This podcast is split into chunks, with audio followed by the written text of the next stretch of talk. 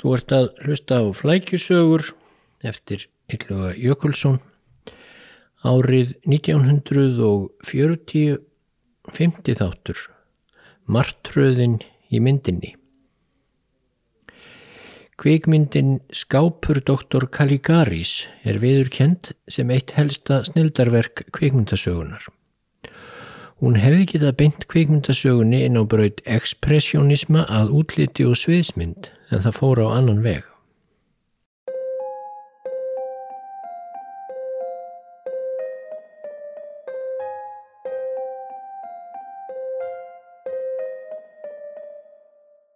Allir vita að í leikhúsi þurfa leikmyndir nú til dags ekki að eldast við raunveruleikan. Svartan dúk má nota til að tákna hvort heldur er heiðina sem lér konungur rávarum eða kastala makbeðs. Míslítir flekar þórunar Sigriðar Þorgrímsdóttur táknuðu húsakinni reikvískrar verkamannafjölskyldu í degi vonar eftir Birgi Sigursson á sínum tíma og líktust ekki hót slíkum húsakinnum eins og þau voru í raun og veru. Og svo framvegis. Þetta erum við öll farin að líta á sem eðlilegan hlut í leikhúsi. Hins vegar verða leikmyndir í bíó að eldast við raunveruleikan. Með aðeins örfáum undantekningum nú orðið, helst myndunum Dogwill og Manderley eftir Lars von Trier, þá eru leikmyndir bíómynda æfinlega raunsæðislegar. Þær geta verið misglæsilegar og misýburðarmiklar en þær ganga nánast aldrei og svig við veruleikan í þeim mæli sem nú er gert í leikhúsinu. Þegar lér konungur er kveikmyndaður þá dugar ekki annað en fara upp á raunverulega heiði. Kongur og fíblhans standandi á segldúk þrumandi móti sjáanlegum vindvélum væri bara talið hlægilegt í bíó og þegar dagur vonar var tekið upp í sjómarpinu skömmu eftir að það var sínt í áður nefndri leikmynd Þórunar Sigriðar þá kom til dæmis ekki einu sinni til álita að leika það innan um mislita fleka sem höfðu þó gefist svo vel í leikhúsinu heldur var endursköpuð í smáatriðum raunsægisleg verkamanna íbúð í stúdiói. En er eitthvað sem segir að þetta verði að vera svona? Er það náttúrulagmál að leikmyndir leikhúsins megi vera óraunsæjar, ekspressjónískar, bara hvernig sem er, en leikmyndir í bíó og sjómarbi skuli vera naturalískar? Aldeilis ekki. Í fyrsta lagi þá var það reyndar lengi helsta keppi-keppli leikmyndasmiða í leikhúsinu að reyna að líka sem best eftir raunveruleikanum.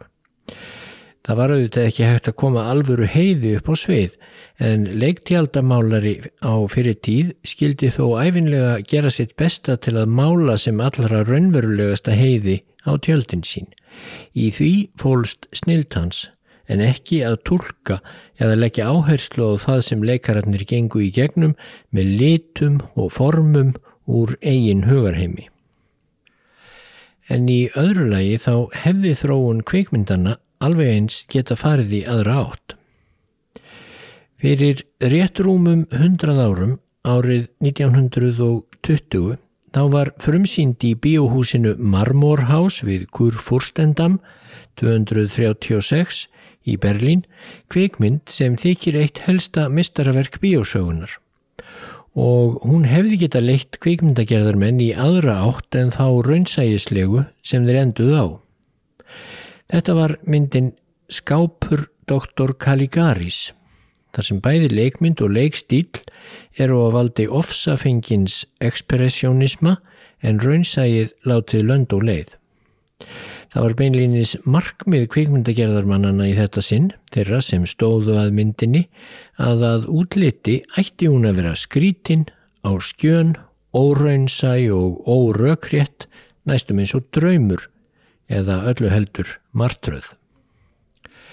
En þótt þessi mynd væri frá byrjun talin snildarverk og príði enþá flesta lista yfir bestu og mikilvægustu myndir sögunar þá reyndist hún samt vera blindgata sem kvikmyndagerðarmenn hörfuðu fljótlega út af.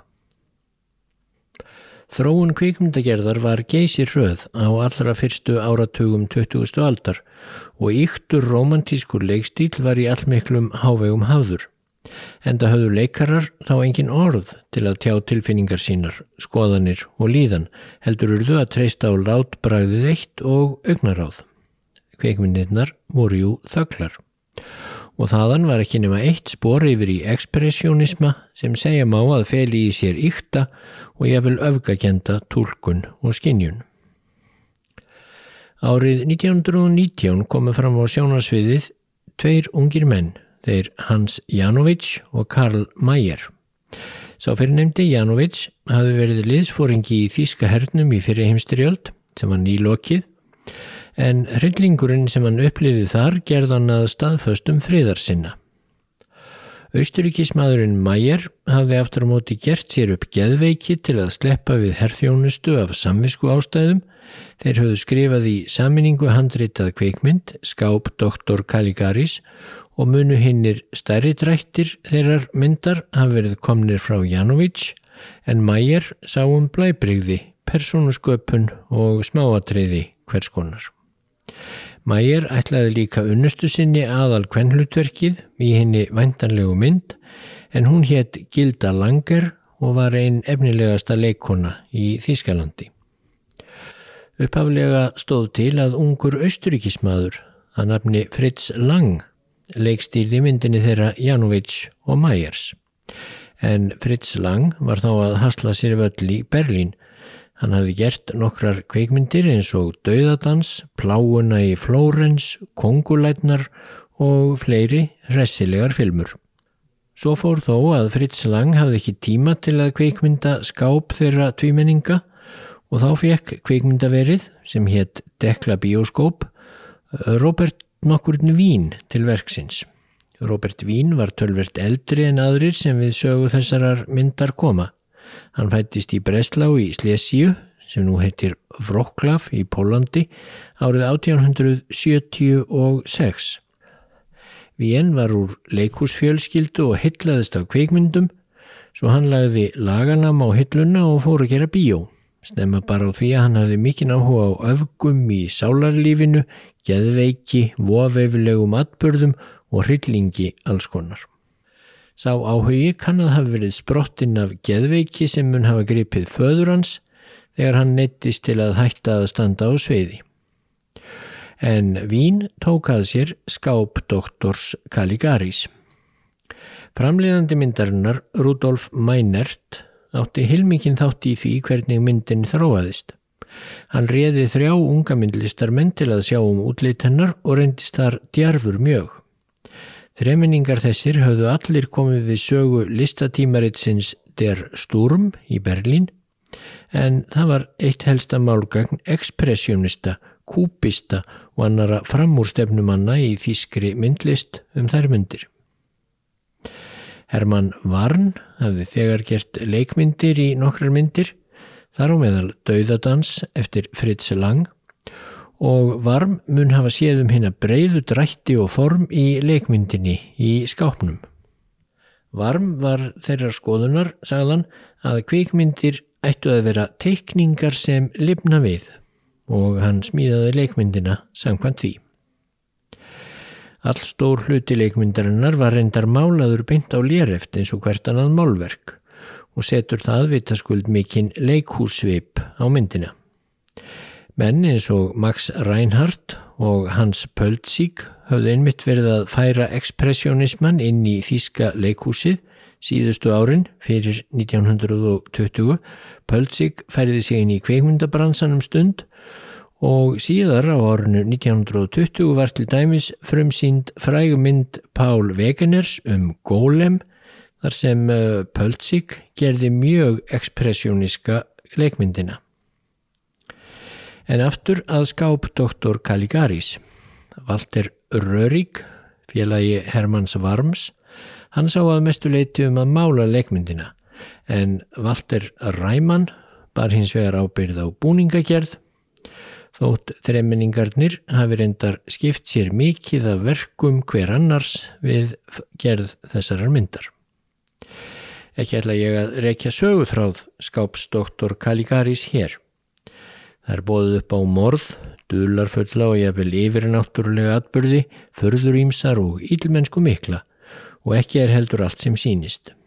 Myndin er reyndar til í príðilegri útgáfu á YouTube og ég hvet hlustendur eindreið til að horfa á hana.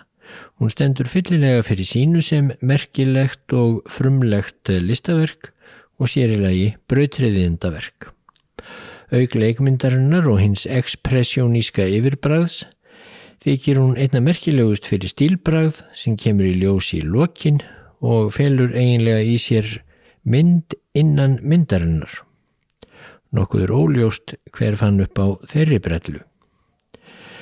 Handritsöfundurinn Janovic held því síðar fram að þetta hefði verið viðbót stúdiósins og hann og Mæjar hafi verið mjög ósáttir við þessa brellu. Þeim hafi þótt hún draga úr slagkrafti myndarinnar sem hefði átt að fela í sér gaggríni á yfirvöld og ráðslag yfirvaldana með einstaklinga. Myndin hafi átt að vera lýsing á geðsjúku samfélagi af því tægi sem Hitler skóp síðan. En þessi setjumtíma tólkun Janovic er þó talið nokkuð málum blandin og sömuleiði svo fullirðing hans að hugmyndin að hinnu ekspressjóníska útliti og óeðlilegu leikmyndinni hafi verið komin frá honum og mægir. Alls konar sögur eru reyndar til um þessa bíómynd og það eikur náttúrulega bara á dölúðina kringum hana. Erich Pommer, helsti yfirmáður fyrirtækisins sem kostaði myndina, held því til dæmis fram að hann bæri ábyrð á hinnum máluðu tjöldum sem enkenna myndina og setja á hana svo sterkan sveip. En hann hafði aldils ekki beitt sér fyrir því af listrænum ástæðum, heldur hafi ástæðan engangu verið svo að það kostaði minna en að smíða heila leikmynd. Hörmungar ástandið í Þískalandi eftir heimsturjölduna hefði því ráði hér ferðinni en ekki listræn sín. Eitt heldur óhugulegt gerðist áður en myndin var frumsýnd í Marmorhás í lok februar 1920. Á síðustu stundu áður en myndataka hóst hafði Gilda Langer, kærasta handreitshöfundarins Mæjers, sagt skilið við hann og var þá skiptum leikonu í aðal kvennhlutverkinu. Í staðu Langers kom Lil Dagover sem var endar að verða enn meiri stjarnar í Þískalandi en Langer um þær myndir. Í janúar 1920 trúlofaðist Langer ungverskum leikstjóra en mánuði síðar veiktist hún af spænsku veikinni sem hafði enn ekki verið útrýmt að fullu úr Evrópu og hún dó úr spænsku veikinni örfáum veikum áður en skápur doktor Caligaris kom fyrir almenning sjónir. Myndin vakti eftir frumsýningu mikla aðtikli og hún gekk vel. Skápur Dr. Caligaris hefur verið kölluð fyrsta eiginlega hryllingsmyndin í kveikmyndasögunni og reynda líka fyrsta listræna myndin. En uh, skápurinn hefði því auðveldlega getað markað nýja stefnu í kveikmyndasögunni en gerði það samt ekki. Þetta sama ár voru frumsýndar í hinnum vaksandi kveikmyndabæ Hollywood í Norður Amríku myndir eins og Way Down East eftir Griffith með Lillian Gish í aðalhutverki, Pollyanna með Mary Pickford og The Mark of Sorrow með Douglas Fairbanks og svo realíska sín sem réði ríkjum í bandaríkjunum hvað útlitt kveikmynda varðaði átti eftir að sigra þýska ekspressjónisman. Ekspressjónismin sem byrjaði sem sagt á toppnum fyrir eh, réttrúmum hundrað árum Hann lippaðist anspæni sínum bandaríska realísma niður í það sem kallað hefur verið film noir, þar sem mátti leika sér með skugga og form í kveikmyndatöku, en leikmynd jafnvel þeirra mynda var þó í sjálfu sér realísk.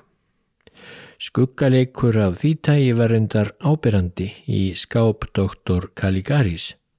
Takk til dæmis eftir atriðinu þegar Cesari drepur Alan.